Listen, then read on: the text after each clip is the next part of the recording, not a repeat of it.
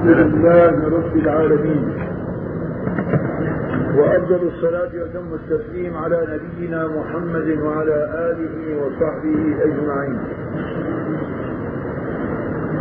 النوع الثاني والعشرون المقلوب.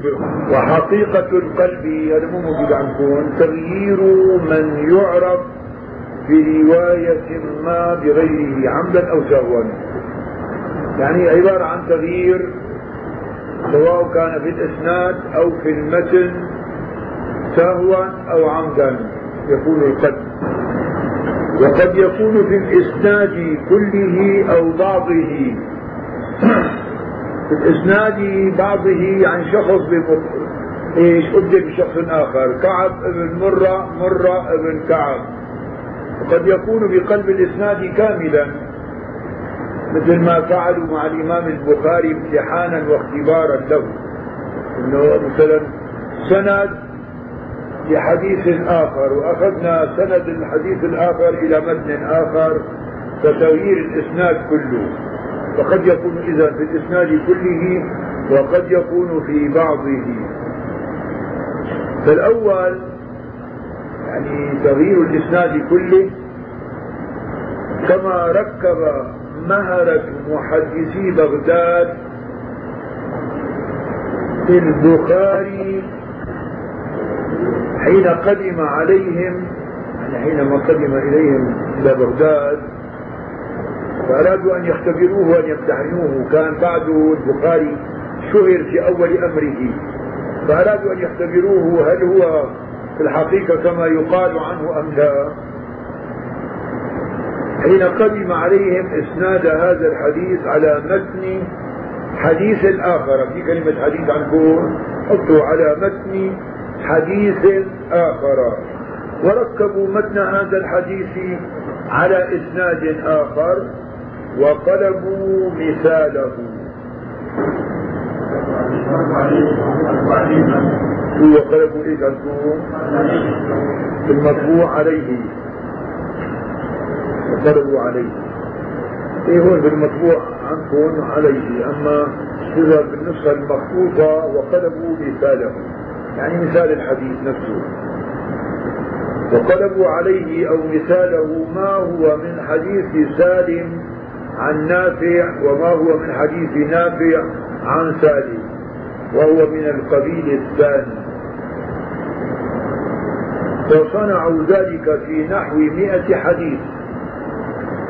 يعني عشر أشخاص كل واحد عشرة أحاديث قلب أسانيدها ومتونها وبدأوا يختبرون الإمام البخاري لكي يعرفوا مدى معرفته في هذا الفن. وصنعوا ذلك في نحو مئة حديث أو أزيد. فلما قرؤوها عليه كمان مو موجود عندكم. فلما قرؤوها عليه. يعني المئة حديث فرد كل حديث إلى إسناده؟ وكل إسناد إلى متنه. ولم يرج عليه موضع واحد مما قلبوه وركبوه فعظم عندهم جدا وعرفوا منزلته من هذا الشأن. يعني من شأن علم الحديث ومصطلح الحديث ومعرفة الرجال ومعرفة الأسانيد ومعرفة المتون. نعم. فرحمه الله وأدخله الجنان.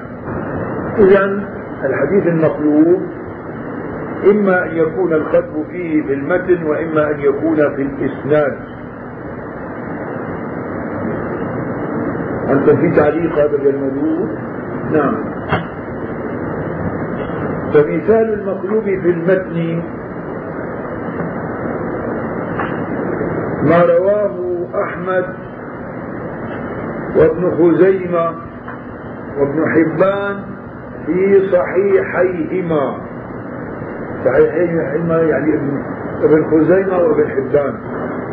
يعني ابن خزيمة الشيخ وابن حبان تلميذه لابن خزيمة. فلذلك كلاهما يسمى صحيح ابن خزيمة صحيح ابن حبان. وإن كان صحيح ابن خزيمة وصحيح ابن حبان ليسا في درجة البخاري ومسلم. أنتم في صحيحهما فهو في صحيحيهما مثنى من حديث أنيسة مرفوعا إذا أذن ابن أم مكتوم فكلوا واشربوا. وإذا أذن بلال فلا تأكلوا ولا تشربوا. هذا غلط. الحديث مخلوق. ولا هو أصل الحديث في صحيح مسلم. إن بلالا يؤذن بليل. فالمؤذن الأول كان بلال. المؤذن الثاني هو ابن أم مكتوم الضرير الأعمى. فهون قرأ في هذه الرواية قال إذا أذن ابن أم مكتوم فكلوا واشربوا. خلاص. لأن المؤذن الأول لم يكن ابن أم مكتوم وإنما كان بلال. فرسول الله بين لهم أن بلالا يؤذن بليل يعني لم يكن الفجر قد دخل بعد بعد فلذلك يجوز الأكل والشرب حتى يسمعوا أذان ابن أم مكتوم عند دخول الفجر. والمشهور من حديث ابن عمر وعائشة هذا الحديث المقلوب إن بلالا يؤذن بليل فكلوا واشربوا حتى يؤذن ابن أم مكتوم. الرواية الصحيحة هكذا ولكن انقلبت على بعض الرواة فجعلها إذا أذن ابن أم مكتوم فكلوا واشربوا وهو غلط. وإذا أذن بلال فلا تأكلوا ولا تشربوا. في رمضان خاصة كان في المدينة المنورة طبعا في أذانين الأذان الأول والأذان الثاني. الأذان الأول كان يؤذن به بلال الحبشي والأذان الثاني يؤذن به عمر ابن أم مكتوم. كمان اختلفوا به اسمه عبد الله ابن أم مكتوم ولا عمر ابن أم مكتوم والأقوى إنه عمر ابن أم مكتوم الضرير الأعمى. لذلك رسول الله أراد أن يبين لهم أنكم إذا سمعتم أذان بلال وهو الأذان الأول فكلوا واشربوا حتى يؤذن ابن أم مكتوم فيكون الفجر. لأن يعني الأذان الأول يكون هذا قبل الفجر. هون عندنا بالشام عادة في رمضان فقط بيعملوا أذانين أذان أول وأذان الثاني. هون عندنا بالشام بيسموا الأذان الأول الإمساك والأذان الثاني الفجر وهذا غلط. فالفجر هو الإمساك والإمساك هو الفجر وإنما الأذان الأول يسمى أذان تنبيه والأذان الثاني هو أذان الإمساك والفجر. فذلك أذان التنبيه هذا الأول. يجوز للإنسان أن يأكل وأن يشرب. عادة هون بيعملوا عندنا في الشام بين الأذان الأول والأذان الثاني ربع ساعة. فإذا انتهى الأذان الأول اللي بسموه أذان الإمساك وهو في الحقيقة أذان تنبيه. ذلك قال لا يغرنكم أذان بلال فإنه يؤذن بليل. يرجع قائمكم ويوقظ نائمكم. يعني إذا واحد سمع الأذان الأول وقام يستطيع أن يتسحر ما بين الأذان الأول والأذان الثاني. فإذا الأذان الذي ينبغي أن يمسك فيه الإنسان هو الأذان الثاني. فلذلك تسمية الأذان الأول بأذان الإمساك غلط.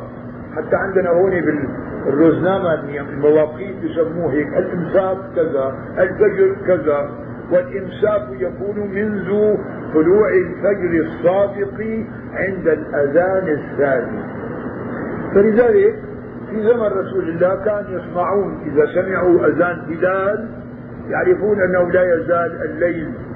فإذا سمعوا أذان ابن أم مكتوم توقفوا وأمسكوا وبدأ صيامهم. فلذلك هذا شو الأذان اللي يسموه الأول والأذان الثاني. وما يعني هذا عبارة عن مثال على القلب في المتن يعني انقلب المتن على بعض الرواة وصوابه كما جاء في صحيح مسلم إن بلالا يؤذن بليل فكلوا واشربوا حتى يؤذن ابن أم مكتوم كذلك عندنا مثال على ذلك حديث آخر وما رواه مسلم في صحيحه في السبعة الذين يظلهم الله يوم القيامة ورجل تصدق بصدقة أخفاها حتى لا تعلم يمينه ما تنفق شماله. كمان هذا مخلوق لأنه الأصل في الإنفاق أن يكون باليمين. دائما الإنسان اليد اليمنى يستعملها في الأشياء الطيبة واليسرى تستعمل في الأشياء الخسيسة. مثل استبراء واستنجاء وانتخاب وانتزار تستعمل اليسرى. أما اليمنى دائما كان رسول الله يحب التيمن في تنعله وترجله وفي طهوره وفي شأنه كله. فكل الأمور الطيبة يحب أن يستعمل اليمين. أما الأمور الخسيسة يستعمل فيها الشمال. فهنا انقلب أيضا هذه الرواية في صحيح مسلم. هي الصواب فيها حتى لا تعلم شماله ما تنفق يمينه. فانقلب هذا الحديث على بعض الرواة فقال حتى لا تعلم يمينه ما تنفق شماله. فهو خطأ مخالف. أولا لقواعد الإسلام مخالف للآداب الإسلامية. وقد انقلب على بعض الرواة فصوابه كما جاء في صحيح مسلم سبعة يظلهم الله في ظله. يوم لا ظل إلا ظله إمام عادل وشاب نشأ في عبادة الله عز وجل ورجل قلبه معلق في المساجد ورجلان تحابا بالله اجتمعا عليه وتفرقا عليه ورجل دعته امرأة ذات منصب وجمال فقال إني أخاف الله ورجل هو الموضع الشاهد تصدق بصدقة أخفاها أو فأخفاها حتى لا تعلم شماله ما تنفق يمينه ورجل ذكر الله خاليا ففاضت عيناه. فهذا يعني هذه الرواية ورجل تصدق بصدقة أخفاها حتى لا تعلم يمينه ما تنفق شماله مما انقلب على أحد الرواة وإنما هو كما في الصحيحين حتى لا تعلم شماله ما تنفق يمينه. ومثال آخر وما رواه الطبراني من حديث أبي هريرة مرفوعا إذا أمرتكم بشيء فأتوه وإذا نهيتكم عن شيء فاجتنبوه ما استطعتم. وذلك هذا مخالف القلب مخالف للأحكام الشرعية. لأنه دائما الأوامر تكون حسب الاستطاعة أما النواهي اجتناب بالكلية. فأصل الحديث فما أمرتكم به فأتوا منه ما استطعتم وما نهيتكم عنه فاجتنبوه أو فدعوه. فلذلك الأوامر قد لا يستطيع الإنسان أن يقوم بها على أتم وجه. ولذلك ليش قال الرسول صلى الله عليه وسلم صلي قائما؟ فإن لم تستطع فقاعدا فإن لم تستطع فعلى جنب. فلذلك الأوامر على حسب الاستطاعة. أما النواهي ترك بالكلية.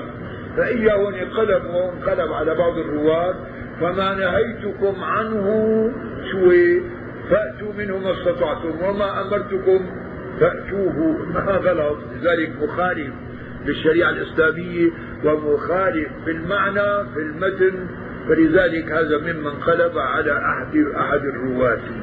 لذلك عم هنا فإن المعروف ما في الصحيحين ما نهيتكم عنه فاجتنبوه يعني بالكلية. وما أمرتكم به فأتوا منه ما استطعتم. ذلك الله عز وجل قال في القرآن الكريم فاتقوا الله ما استطعتم. وقال لا يكلف الله نفسا إلا وسعها. لا يكلف الله نفسا إلا ما آتاها. يريد الله بكم اليسر ولا يريد بكم العسر. ما جعل عليكم في الدين من حرج.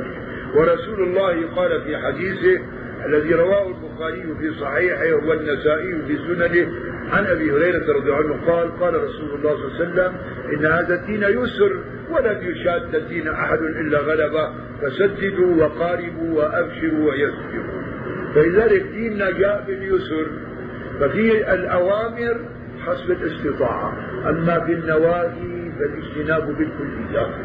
لذلك لا عذر لأحد في المحرمات أن يقول أنا لا أستطيع أن أترك شرب الخمر لأنه هذا منهيات شرب الخمر ممكن بدلا من الخمر تأتي بشراب حلال طيب لذيذ. فكذلك لا أستطيع أن أترك الزنا في بدلا عنه حلال الزواج. لا أستطيع أن أترك الربا بدلا منه البيع. وأحل الله البيع وحرم الربا. لذلك من فضل الله على هذه الأمة ما من شيء حرمه الله. عز وجل على المسلمين إلا وجعل بابا بالمقابل من حلال بنفس الموضوع بالذات زواج زنا ربا بيع وشراء. فلذلك شرب خمر شراب طيب حلال لذيذ. فلذلك المنهيات ما في درجات. في الأوامر في درجات. حسب الاستطاعة. نعم يا سيدي. هذا كله المثالين الثلاثة جابوا قلب في المتن. إن كان حديث ما أمرتكم وما نهيتكم واحد وحديث تصدق بصدقة فأخفاها حتى لا تعلم يمينه ما تنفق شماله. والحديث الأول اللي هو أذان بلال وأذان عمرو بن بن أم مكتوم فيما يتعلق بصيام رمضان. هذول ثلاث أمثلة على القلب في المتن. وأما القلب في الإسناد هلا تراجم برجال السند. فقد يكون خطأ من بعض الرواة في اسم راو أو نسبه كأن يقول كعب بن مرة بدل مرة ابن كعب. هذا سهوا أحيانا قد يختلط على الإنسان. كعب بن مرة مرة ابن كعب. فيأتي بهذا الاسم سهوا وخطأ ويقلب فيه اسم هذا الرجل. وقد ألف الخطيب خطيب البغدادي في هذا الصنف كتابا سماه رفع الارتياب في المقلوب من الأسماء والأنساب هذا كتاب للحافظ البغدادي رحمه الله. كذلك ابن حجر له كتاب في هذا الموضوع اسمه جلاء القلوب في معرفة المقلوب لكن يظهر أن الكتابين مو موجودين يعني ما طبعا وقد يكون الحديث مشهورا براو من الرواة أو إسناد. فيأتي بعض الضعفاء أو الوضاعين ويبدل الراوي بغيره ليرغب فيه المحدثون. كأنه يكون مناك كأنه إسناد جديد أو كذا يرغب فيه بروايته. كأن يكون الحديث معروفا عن سالم بن عبد الله هذا سالم بن عبد الله بن عمر بن الخطاب رضي الله عنهما. فيجعله عن نافع أو يبدل الإسناد بإسناد آخر كذلك مثل ما روى حماد بن عمرو النصيبي الكذاب عن الأعمش عن أبي صالح عن أبي هريرة مرفوعا إذا لقيتم المشركين في طريق فلا تبدأوهم بالسلام. الحديث. هو الحديث بتمامه إذا لقيتم المشركين في الطريق فلا تبدأوهم بالسلام واضطروهم إلى أضيقها. فهذا الرجل اللي هو كذاب ومتهم حماد بن عمرو النصيبي قلب هذا الإسناد. زي نقول مثل ما روى حماد بن عمرو النصيبي الكذاب عن الأعمش عن أبي صالح عن أبي هريرة مرفوعا إذا لقيتم المشركين في طريق فلا تبدأوهم بالسلام. الحديث فإنه مقلوب طلبه حماد هذا حماد بن عمرو النصيبي الكذاب فجعله عن الأعمش وإنما هو معروف عن سهيل ابن أبي صالح ابن ما عنكم يمكن. ما حطوا سهيل ابن أبي صالح. وإنما هو معروف عن سهيل بن أبي صالح عن أبيه عن أبي هريرة. هكذا أخرجه مسلم. من رواية شعبة والثوري وجرير بن عبد الحميد وعبد العزيز الدراوردي كلهم عن سهيل. إلا مين هذا حماد بن عمرو النصيب الكذاب قالوا عن الأعمش. حتى يغرب انه والله إسناد غريب حتى الناس يلتفتوا إليه. وهذا الصنيع يطلق على فاعله أنه يسرق الحديث إذا قصد إليه. وقد يقع هذا هذا عمدا. مين فعله؟ حماد بن عمرو النصيبي فعله عمدا مو خطأ ولا سهوا وإنما عمدا. ولذلك آثم هو حرام وكذاب بس باعتباره وضاع وقد يقع هذا غلطا من الراوي الثقة. قد يكون أحيانا سهوا غلطا خطأ رجل ثقة وأخطأ وروى إيش وقلب في الإسناد رجلا أو إسنادا. لا قصدا كما يكون من الوضاعين. مثاله ما روى إسحاق بن عيسى الطباع قال حدثنا جرير بن حازم عن ثابت عن أنس. دائما إذا إجا ثابت عن أنس ثابت البناني عن أنس بن مالك الصحابي قال قال رسول الله صلى الله عليه وسلم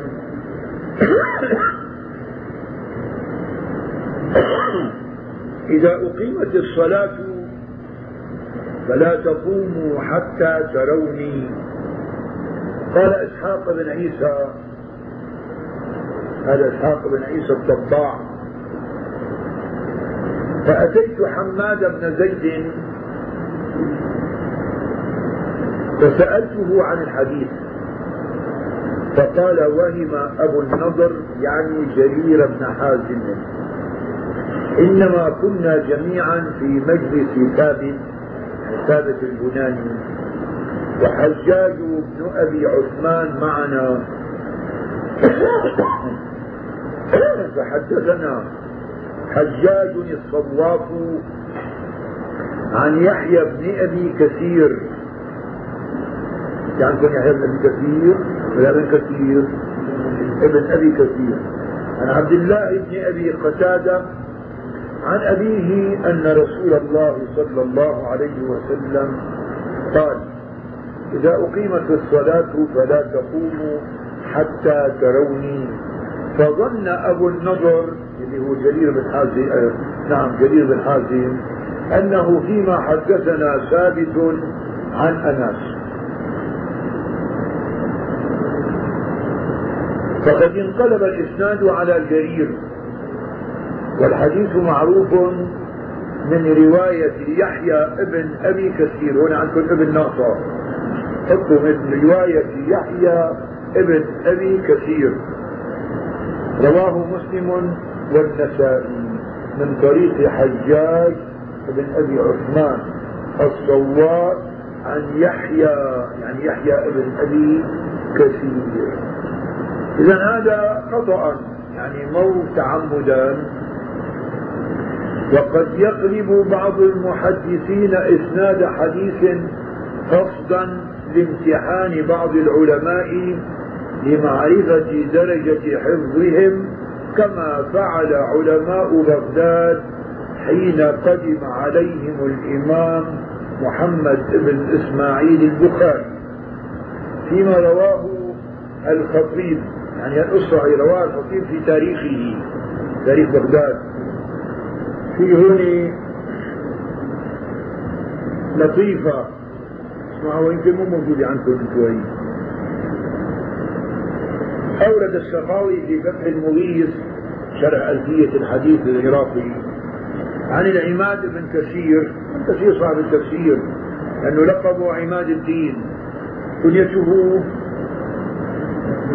أبو الفداء اسمه إسماعيل بن كثير رحمه الله. مصنفنا يعني مصنف هذا الكتاب قصة لها صلة بمبحث المخلوق ولها ارتباط بحادثة البخاري هذه. فقال حكى العماد بن كثير قال أتى صاحبنا ابن عبد الهادي إلى المزي هذا ابن عبد الهادي تلميذ ابن تيمية وابن كثير كان تلميذ ابن تيمية. فجاء ابن عبد ابن عبد الهادي إلى حافظ المزي في الشام عندنا هون فقال له انتخبت من روايتك أربعين حديثا أريد قراءتها عليك. فقرأ الحديث الأول وكان الشيخ متكئا فجلس فلما أتى على الثاني تبسم وقال ما هو أنا؟ ذاك البخاري. يعني هذا اللي بده يمتحن بمثل هذا مو أنا مثلي وإنما البخاري الذي امتحنوه بمئة حديث. قال ابن كثير فكان قوله هذا عندنا أحسن من رده كل متن إلى سنده باعتبار اعترف أنه البخاري هو الذي امتحن في مثل هذا وهو الذي قلب مئة حديث أسانيدها إلى متون غيرها. فلذلك كان الامتحان في مثل هذا لأمثال البخاري. أما يتبع ابن عبد الهادي بسيطة يعني نعم سيدي. نرجع لفوق كما فعل علماء بغداد عند حين قدم عليهم الإمام محمد بن إسماعيل البخاري فيما رواه الخطيب فإنهم اجتمعوا وعمدوا إلى مئة حديث فقلبوا عنكم فقبلوا سهو فقلبوا متونها وأسانيدها. فقلب فقبلوا سهو فقلبوا. نعم. فقلبوا متونها وأسانيدها وجعلوا متن هذا لإسناد آخر وإسناد هذا لمتن آخر.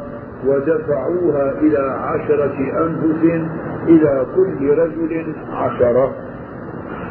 وأمروهم إذا حضروا المجلس يلقون ذلك على البخاري وأخذوا الوعد للمجلس فحضر المجلس جماعة أصحاب الحديث من الغرباء من أهل خراسان وغيرهم من البغداديين. فلما اطمأن المجلس بأهله انتدب إليه رجل من العشرة فسأله عن حديث من تلك الأحاديث فقال البخاري لا أعرفه. فسأله عن آخر فقال لا أعرفه. فما زال يلقي عليه واحدا بعد واحد حتى فرغ من عشرته والبخاري يقول لا أعرفه. فكان الفهماء الفهمانين بالمجلس فكان الفهماء ممن حضر المجلس يلتفت بعضهم إلى بعض ويقول ويقولون فهم الرجل. يعني عرفان إنه عملنا له قضية امتحان.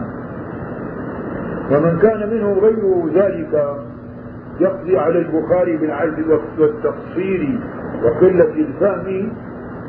هذين قالوا هذا مو فهمان. يعني ما عنده علم شو الزلمه هذا بيقول لا أعرفه لا أعرفه لا أعرفه. لكن اللي بيفهموا قالوا والله هذا فهم علينا إنه نحن عم نتلاعب عليه. نعم. فقال البخاري لا أعرفه فلم يزل. يلقي إليه واحدا بعد واحد حتى فرغ من عشرته والبخاري يقول لا أعرفه ثم انتدب إليه الثالث والرابع إلى تمام العشرة حتى فرغوا كلهم من الأحاديث المطلوبة والبخاري لا يزيدهم على لا أعرفه. فلما علم البخاري أنهم قد فرغوا من مئة الحديث التفت إلى الأول منهم فقال تبع العشر الأولانيات أما حديثك الأول فهو كذا وحديثك الثاني فهو كذا والثالث والرابع على الولاء حتى أتى على تمام العشرة. فرد كل متن إلى إسناده وكل إسناد إلى متنه وفعل بالآخرين مثل ذلك. ورد متون الأحاديث كلها إلى أسانيدها وأسانيدها إلى متونها فأقر له الناس بالحفظ. حطوا له الطاعة. إنه هذا والله محمد بن إسماعيل البخاري لذلك بعدين لقبوه أمير المؤمنين في الحديث وكتابه أصح الكتب اللي هو صحيح البخاري. أنه هذا بالأصل اللي اقترح عليه جمع هذا الكتاب هو شيخ إسحاق ابن راهوية أو ابن راهويه طلب منه أن يجمع كتابا فيه الأحاديث الصحيحة فجمع هذه الأحاديث في هذا الكتاب وسماه الجامع المسند الصحيح من أقوال رسول الله صلى الله عليه وسلم وأفعاله وأيامه. هذا يسموه البخاري وإلا هو اسمه هيك. نعم سيدي. وأذعنوا فأقر له الناس بالحفظ وأذعنوا له بالفضل. وهذا العمل محرم أن يقصده العالم به إلا إن كان يريد به الاختبار. يعني هو قلب الأساليب المتون حرام لكن إذا كان القصد من وراء ذلك اختبار طالب علم أو عالم فلا بأس بذلك. ولكن بشرط أن لا يقوم من ذلك المجلس حتى يرد الأحاديث كلها إلى أماكنها من الأسانيد والمتون. وشرط الجواز كما قاله الحافظ بن حجر أن لا يستمر عليه بل ينتهي بانتهاء الحاجة. انتهينا من الامتحان ردينا الأحاديث إلى أماكنها. وقد نبه الشيخ أبو عمرو بن صلاح يعني ها هنا على أنه لا يلزم من الحكم بضعف سند الحديث المعين الحكم بضعفه في نفسه. يعني مثلا حديث مرمعنا نظرنا في إسناده فوجدنا في إسناده ضعف. لا يجوز أن نقول هذا حديث ضعيف وإنما هذا الإسناد هذا الحديث بهذا الإسناد ضعيف. أنه قد يكون له إسناد آخر يرفعه من الضعف إلى الحسن لغيره. فلذلك لا نحكم بضعف المتن وإنما نحكم بضعف الإسناد. فقد نجد لهذا المتن إسنادا آخر يتقوى به هذا الحديث. إذ قد يكون له إسناد آخر إلا أن ينص إمام على أنه لا يروى إلا من هذا الوجه. فيه إمام من أئمة المحدثين الحافظ بن حجر العسقلاني الحافظ السخاوي الحافظ السيوفي الحافظ العراقي الحافظ الهيثمي بنص أمثال هؤلاء من العلماء فبيكون هذا عنده اطلاع أنه ليس لهذا الحديث سوى هذا الإسناد وهذا الإسناد ضعيف فعند ذلك يكون الحديث ضعيفا. في رقم هون تحت ما بعرف يمكن مو موجود عندكم لا من وجد حديثا في عندنا من وجد حديثا بإسناد ضعيف فالأحوط أن يقول إنه ضعيف بهذا الإسناد ولا يحكم بضعف المتن مطلقا من غير تقييد بمجرد ضعف ذلك الإسناد. فقد يكون الحديث واردا بإسناد آخر صحيح إلا أن يجد الحكم بضعف المتن منقولا عن إمام من الحفاظ المطلعين على الطرق. وإن نشط الباحث عن طرق الحديث وترجح عنده أن هذا المتن لم يرد من طريق أخرى صحيحة وغلب على ظنه ذلك فإني لا أرى بأسا بأن يحكم بضعف الحديث مطلقا. رجل عالم عنده اطلاع ورجع إلى الكتب الستة والمسانيد والأجزاء والمعاجم فلم يجد له إسنادا آخر وحكم عليه بضعفه فبيكون بناء على دراسة من هذا العالم. أما طالب العلم مثل حكايتنا إذا وجد حديثا فيه ضعف في الإسناد فيقول هذا الحديث ضعيف بهذا الإسناد وقد يوجد له عند بعض العلماء إسناد آخر يتقوى به فيكون حسنا لغيره بطريق آخر أو بشاهد آخر تغير فيه الصحابي. وإنما ذهب ابن الصلاح إلى المنع تقليدا لهم في منع الاجتهاد كما قلنا نحو هذا الكلام على الصحيح فيما مضى. ابن الصلاح رحمه الله كان رأيه أنه لا يجوز لأحد أن يصحح أو يحسن أو يضعف من زمنه فما بعد. وإنما ينظر إلى العلماء المتقدمين فما صححوه نصححهم وما حسنوه نحسنه وما ضعفوه نضعفه. وأما نحن فلا يجوز لنا الاجتهاد في بحث حديث جديد. ولكن هذا كلام صحيح. لقد رد عليه النووي وغيره فيجوز لمن كانت عنده ملكة ومعرفة بالحديث ورجال الإسناد ومعرفة المتون أن يحكم على الحديث ولو لم يتكلم غيره عليه.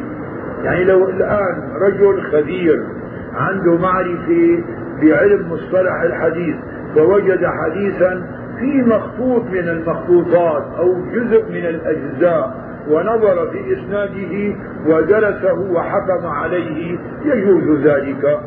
فإذا كلام أبو عمرو بن الصلاح كان إغلاقا لباب الاجتهاد في علم مصطلح الحديث والتصحيح والتضعيف كما أغلق غيره باب الاجتهاد في فروع الفقه. ولذلك الصواب أن الباب مفتوح باب الاجتهاد مفتوح في معرفة فروع الفقه والحديث ومصطلحه لكن للعلماء لا للجهلاء. وبيجي واحد بيجتهد على كيفه ما عنده معرفة لا باللغة العربية ولا عنده معرفة بعلم مصطلح الحديث ولا عنده معرفة بالفقه فيأتي ويضعف ويحسن ويصحح على حسب ما إيش؟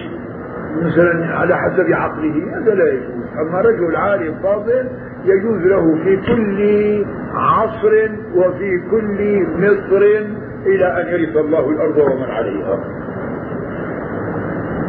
لذلك ليش صار في ضعف بالفقه بالفروع الفقهية وعدم وجود القياس. يعني مثلا كثير من الأمور يرجع إليها إلى الكتاب والسنة والإجماع والقياس. فقد تتجدد الأمور بأشياء جديدة يبحث فيها العلماء ويقيسونها على مسيلاتها ويعطونها حكمها. وذلك لما أغلقوا باب الاجتهاد أصبح العقل ضيقا في الفقه فبدأ الناس يقلدون تقليدا من كان قبلهم. ولذلك التقليد الحقيقة غلط سواء كان في فروع الفقه أو في أصول الفقه أو في الحديث ومصطلح الحديث كل ذلك الباب فيه مفتوح للاجتهاد. ولذلك قال رسول الله صلى الله عليه وسلم إن الله يبعث على رأس كل مئة سنة لهذه الأمة من يجدد لها أمر دينها. وقال لا تزال طائفة من أمتي ظاهرين على الحق لا يضرهم من خذلهم حتى يأتي أمر الله. وقال عليه الصلاة والسلام مثل أمتي مثل المطر لا يدرى أوله خير أم آخره. فهذا يدل على أنه يوجد في الأمة ما بين كل مئة سنة وما بعدها من يجدد لهذه الأمة أمر دينها وهناك طائفة تبحث البحث الحقيقي وكذلك شبه رسول الله هذه الأمة بالمطر وقد يكون المطر نافعا في أول الموسم وقد يكون نافعا في آخر الموسم وقد يكون العلماء في المتقدمين وقد يكون العلماء في المتأخرين. وهذه الأمة الإسلامية الخير فيها لا ينعدم إلى أن يرث الله الأرض ومن عليها. أقول وقال الحافظ في النكت على ابن الصلاح حافظ بن حجر عامل نكت على علوم الحديث أو مقدمة ابن الصلاح. إذا بلغ الحافظ المتأهل الجهد وبذل الوسع في التفتيش على ذلك المتن من مظانه يعني من إيش؟ مراجعه فلم يجده إلا من تلك الطريق الضعيفة فما المانع له من الحكم بالضعف بناء على غلبة ظنه؟ وكذلك إذا وجد كلام إمام من أئمة الحديث قد جزم بأن فلانا تفرد به وعرف المتأخر أن فلانا المذكور قد ضعف بتضعيف قادح فما الذي يمنعه من الحكم بالضعف؟ لا أحد.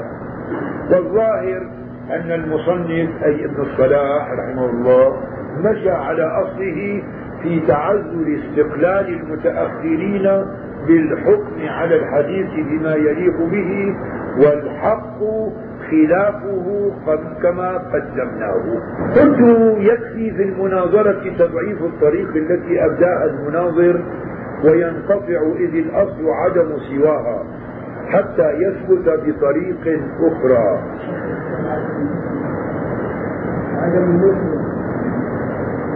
شو عنكم؟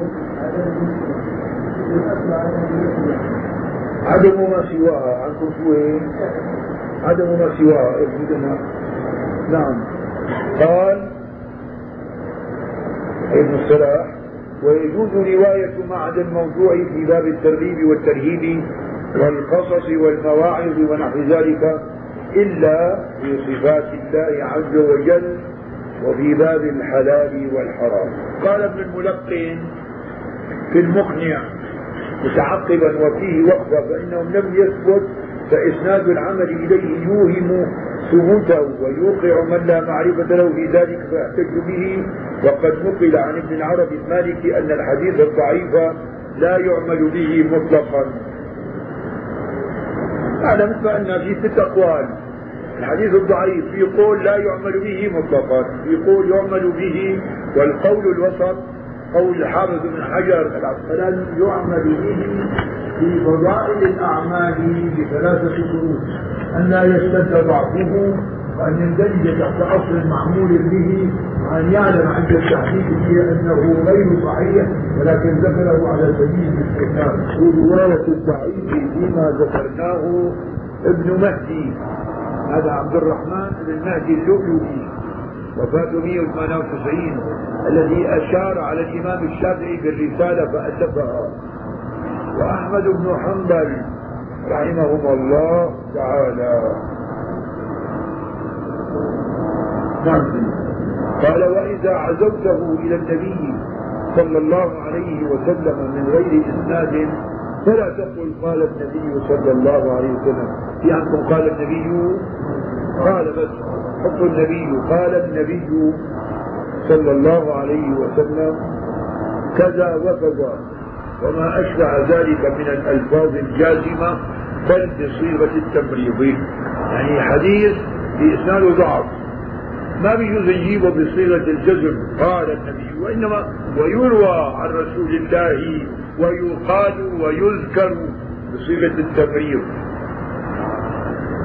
وكذا فيما يشك في صحته أيضا.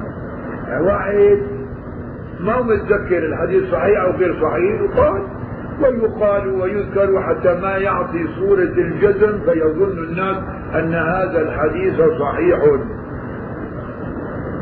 في تعليق هنا وموجود عندكم هذا الشيء من نقل حديثا صحيحا بغير إسناده.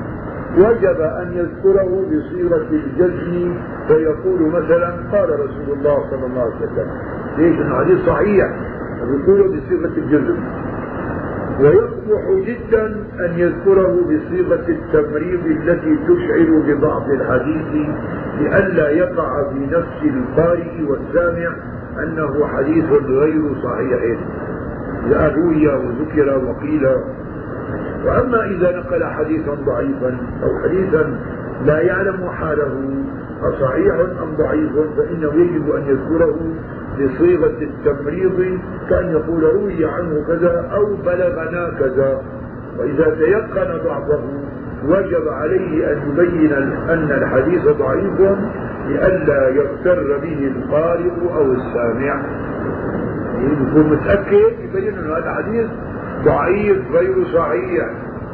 أماني شاكك في روي حتى ما يقع فيه الجزم بصحته. ولا يجوز للناقل أن يذكره بصيغة الجزم يعني الضعيف لأنه يوهم غيره أن الحديث صحيح خصوصا إذا كان الناقل من علماء الحديث الذين يثق الناس بنقلهم ويظنون أنهم لا ينسبون إلى رسول الله صلى الله عليه وسلم شيئا لم يجزموا بصحة نسبته إليه.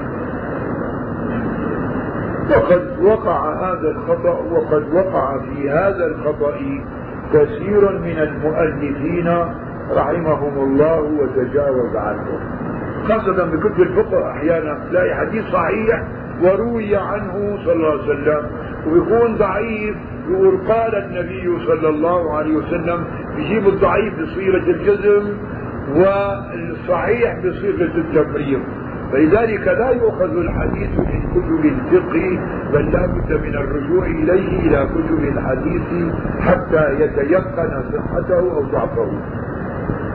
وقد أجاز بعضهم رواية الضعيف من غير بيان ضعفه بشروط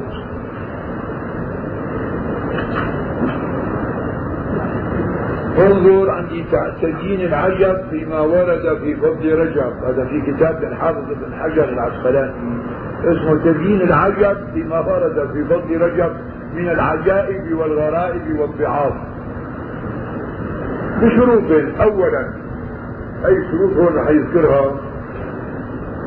أن يكون الحديث في القصص يعني ما هو في الحلال والحرام ولا هو في صفات الله عز وجل أو غيره. أو المواعظ أو فضائل الأعمال.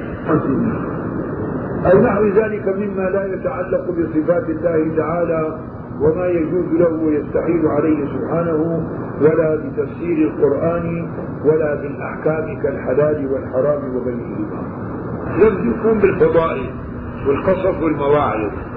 ثانيا أن يكون الضعف فيه غير شديد فيخرج من انفرد من الكذابين والمتهمين بالكذب والذين فحش غلطهم في الروايات كما هذا ما مقبول.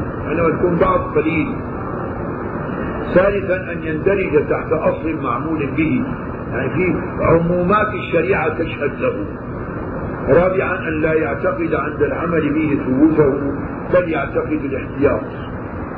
والذي أراه أن بيان الضعف في الحديث الضعيف واجب في كل حال حتى في الأحاديث التي هي في القصص والأخبار وفي فضائل الأعمال الأولى بيانه. لأن ترك البيان يوهم المطلع عليه أنه حديث صحيح خصوصا إذا كان الناقل له من علماء الحديث الذين يرجع إلى قولهم في ذلك.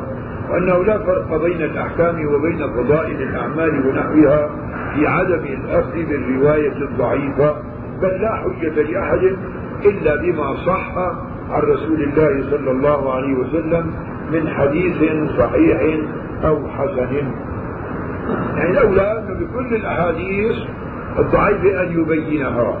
وأما ما قاله أحمد بن حنبل وعبد الرحمن بن مهدي وعبد الله بن المبارك إذا روينا في الحلال والحرام شددنا وإذا روينا في الفضائل ونحوها تساهلنا فإنما يريدون به فيما أرجح والله أعلم أن التساهل إنما هو في الأخذ بالحديث الحسن الذي لم يصل إلى درجة الصحة فإن الاصطلاح بالتفرقة بين الصحيح والحسن لم يكن في عصرهم مستقرا واضحا بل كان أكثر المتقدمين لا يصف الحديث إلا بالصحة أو الضعف فقط. لذلك نرى أن الترمذي هو الذي أكثر من إيش؟ ذكر الحديث الحسن. ولا كان يعتبر الحسن والصحيح في واحد والضعيف بالمقابل فمقبول أو مردود. مقبول الصحيح والحسن والمردود الضعيف وأقسامه.